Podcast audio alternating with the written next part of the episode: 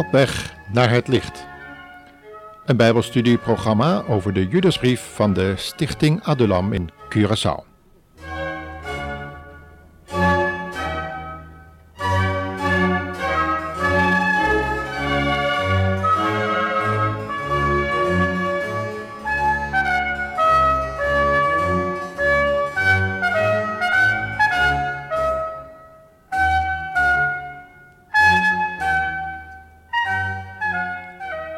In onze bestudering van de Judasbrief, een eindtijdbrief wel genoemd, zijn we gekomen tot vers 19 en voor deze uitzending willen we ons beperken tot dit vers.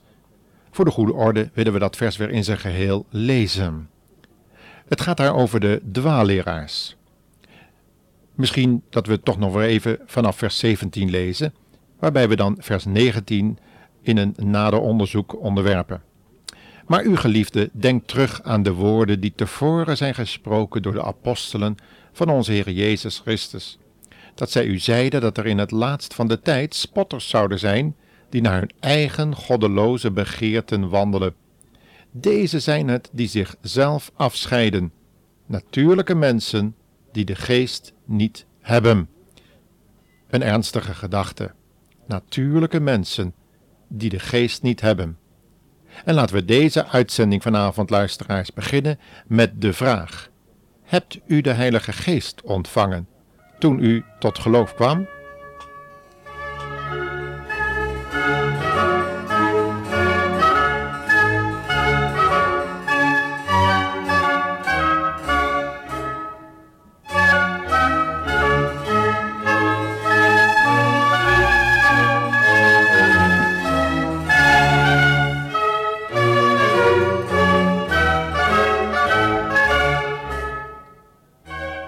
Het is helemaal niet zo'n ongerechtvaardigde vraag. Paulus zelf vond twaalf discipelen in Handelingen 19 die zeiden gelovigen te zijn.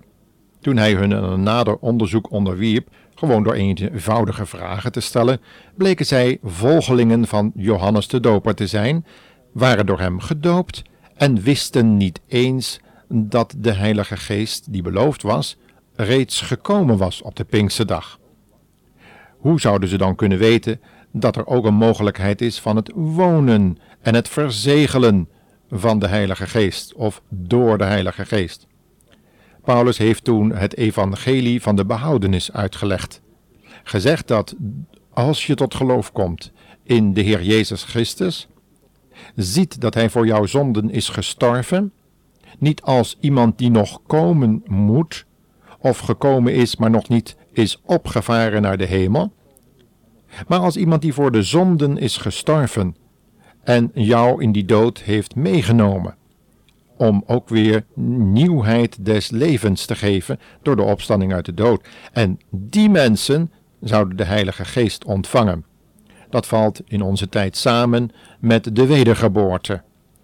En dan zegt Paulus in Efeze 1, vers 13 dat wij verzegeld worden met de Heilige Geest van de belofte, wanneer wij tot geloof gekomen zijn. En in dit verband moest Paulus hun dus heel duidelijk maken dat zij nog niet de Heilige Geest ontvangen hadden.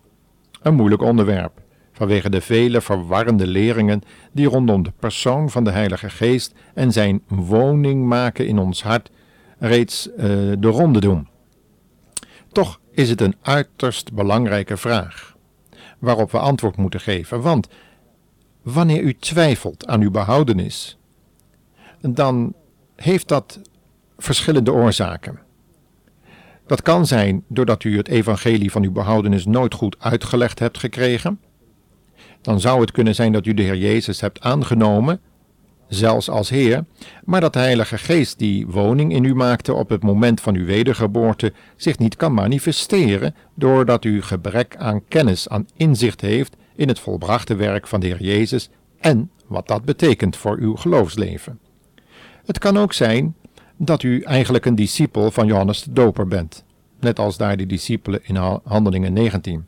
Dan bevindt u zich nog onder de wet en dan heeft u eigenlijk geen vrede met God.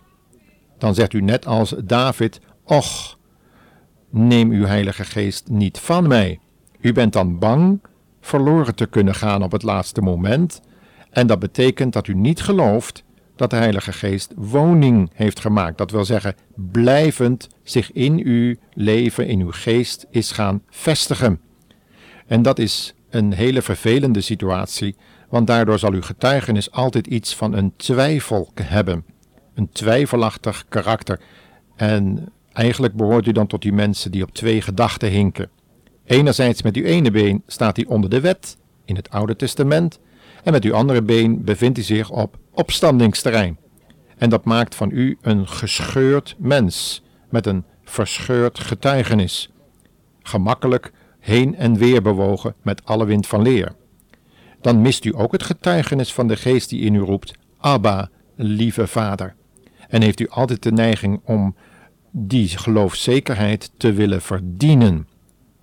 U kunt u zelf daarop beproeven. Herkent u deze kenschets? Dan is het het beste dat u naar de Heer Jezus toe gaat en zegt: Heer Jezus, wanneer ik ditgene mis, wilt u me dan nu verzegelen met de Heilige Geest der belofte?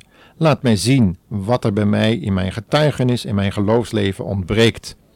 En wilt u mij van een gevoelschristen een christen maken die zich onderwerpt aan het gezag van uw woord. Een geestelijk christen, een door de geest geleid christen. Dat heeft alles te maken met zo dadelijk met de tekst dat wij ons moeten opbouwen op ons allerheiligst geloof, biddende in de Heilige Geest of in overeenstemming met de Heilige Geest. In dit vers, vers 19, worden opnieuw de dwaalleraars genoemd ten opzichte van hen die oprecht zijn. De dwaalleraars verweten de overige gemeenteleden dat zij scheurmakers waren. Dat gebeurt vaker. Zij die de scheurmakers zijn, proberen de aandacht van zichzelf af te leiden door anderen te verwijten wat ze zelf doen. Een typisch staaltje van wetticisme. Maar Judas keert het om. Niet de gelovigen in de gemeente, maar de dwaalleraars zijn de scheurmakers. Het is voor een boosaardig christen, tussen haakjes, gemakkelijk degene die tucht toepast, allerlei verwijten naar het hoofd te slingeren. Maar door hun gedrag stelden de dwaalleraars zichzelf buiten de gemeenschap van de gelovigen. Zij zonderden zichzelf af. Afzonderen, afscheiden, noemen we dat. En zeiden daarmee verdeeldheid. Vergelijk maar Titus 3, vers 10. Zij deelden de gemeente in twee groepen in: de zielsmensen en de geestelijke mensen. Met andere woorden, degene die zich door de ziel lieten beïnvloeden en die zich door de geest lieten leiden. Maar Judas noemt de dwaalleraars mensen die door de ziel geleid werden. Zielse mensen, door hun emoties, hun visioenen, dromen, hun verschijningen misschien. Zij meenden van zichzelf zeer geestelijke mensen te zijn. Natuurlijk zijn christenen in die twee genoemde groepen te verdelen, dat is waar. Maar laten we dan oppassen met de toepassing ervan en eerst de hand in eigen boezem steken, zoals Mozes dat moest doen van God, voordat hij als leider van de gemeente zich mocht manifesteren. Deze mensen waar het over hier gaat, die hebben de Heilige Geest niet, stelt Judas. Want de geest die het woord en het werk van Christus gestalte geeft in de gelovigen, is het kenmerk van de ware gelovigen. Vergelijk Johannes 7, vers 39. De dwaalleraars geven door hun gedrag aan niet bij Christus te behoren en deze geest niet ontvangen te hebben. Zo dadelijk zullen we daar nog op terugkomen.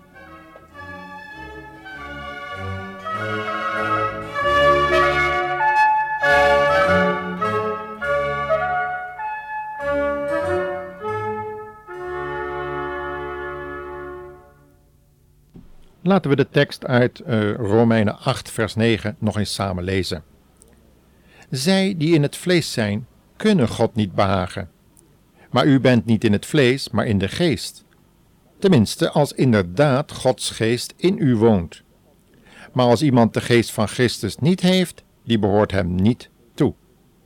Maar als Christus, die in u is, dan is het lichaam wel dood vanwege de zonde, maar de geest is leven vanwege de gerechtigheid. En als de geest van hem die Jezus uit de doden heeft opgewekt in u woont, dan zal hij die Christus uit de doden heeft opgewekt ook uw sterfelijke lichamen levend maken, door zijn geest die in u woont. Daarom, broeders, zijn wij schuldenaars om niet aan het vlees naar het vlees te leven, want als u naar het vlees leeft, zult u sterven. Maar als u door de geest de werkingen van het lichaam doodt, zult u leven. Want allen die door de geest van God geleid worden, die zijn zonen van God. En daar gaat het om, beste luisteraar, dat wij door de geest geleid worden. En dan ook ons zonen van God mogen noemen. Dat is een geweldige titel, waar we heel blij van kunnen worden. Waar Gods woord herhaaldelijk spreekt over afscheiding, zich afwenden, onttrekken, is het misschien goed hier iets langer bij stil te staan. Uit bovenstaande teksten blijkt al dat er een door God gewilde afscheiding is, maar ook een verkeerde, door God niet gewilde, een sectarische afscheiding. In Leviticus 20 en Matthäus 25 hebben we een afscheiding door de Heer zelf bedoeld, en in 2 Korinthe 6 zelfs door God bevolen. Ook in Handelingen 19 is het duidelijk dat het naar de gedachte van God was, terwijl Petrus in Galaten 2 iets deed wat absoluut verkeerd was.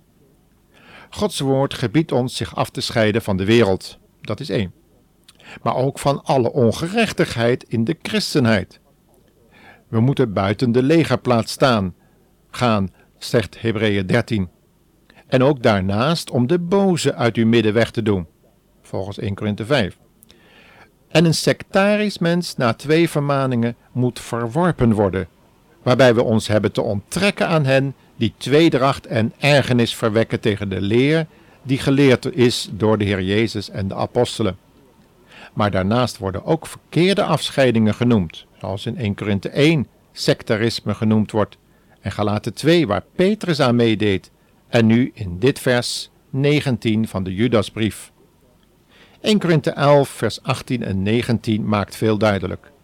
Er waren schismata's, scheuringen in de gemeente onder de gelovigen van Korinthe, en de apostel voegt eraan toe: er moeten ook secten onder u zijn, opdat, en hij geeft de reden aan, de beproefden onder u openbaar worden. Dat is een belangrijk beginsel wat we in dit vers dan ook heel duidelijk naar voren zien komen in vers 19 van de Judasbrief. Het heeft kennelijk de bedoeling van God dat er situaties ontstaan waardoor echte, ware gelovigen die trouw willen zijn aan het woord van de Heer Jezus zichzelf afscheiden. Maar niet op de manier zoals die dwaalleraars doen, maar op de manier zoals God het wil. En dat betekent dat zij het woord liefhebben we leven in een tijd dat meer de gemeenschap wordt liefgehad.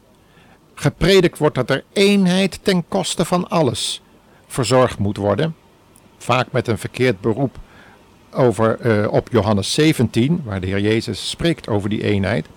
Maar een eenheid zoals Hij het ziet. En die is er, ondanks onze inspanningen of onze pogingen om die eenheid te bevorderen. Nee, wij moeten niet de eenheid bevorderen, maar bewaren. En dat is iets heel anders. De gelovigen vormen een eenheid in Christus als leden van zijn lichaam. En degenen die die geest niet hebben, die die eenheid bewerkt, die zullen zich afscheiden, mensen achter zich wegtrekken, ten koste van de waarheid. En dat is iets dat moeten we steeds weer onderscheiden. Het woord dienen wij vast te houden. In Openbaringen 3 zien we dat, dat de gelovigen uit Philadelphia geroemd werden omdat zij de waarheid vasthielden. Dat is een uiterst belangrijk beginsel. Laten wij dus dat verschil goed zien. De dwaalleraars die scheiden zichzelf af rondom een specifiek onderwerp. Een sectarisch beginsel. En dat verheffen ze tot een van de meest belangrijke delen naar wat zij zeggen van de Bijbel. Of dat nu een bepaalde taal spreken is, een zogenaamde tongentaal, of een bepaalde doop in of met de geest, of een waterdoop centraal stellen, of welke andere vorm ook, een bepaalde levenswandel. alles wat ten koste van andere waarheden gaat, waarbij één waarheid verheven wordt tot een hoofdwaarheid, dat leidt tot sectarisme. Laten we dat vasthouden, beste luisteraar, en deze waarschuwende tekst van de Judasbrief op ons in laten werken, zodat we het herkennen.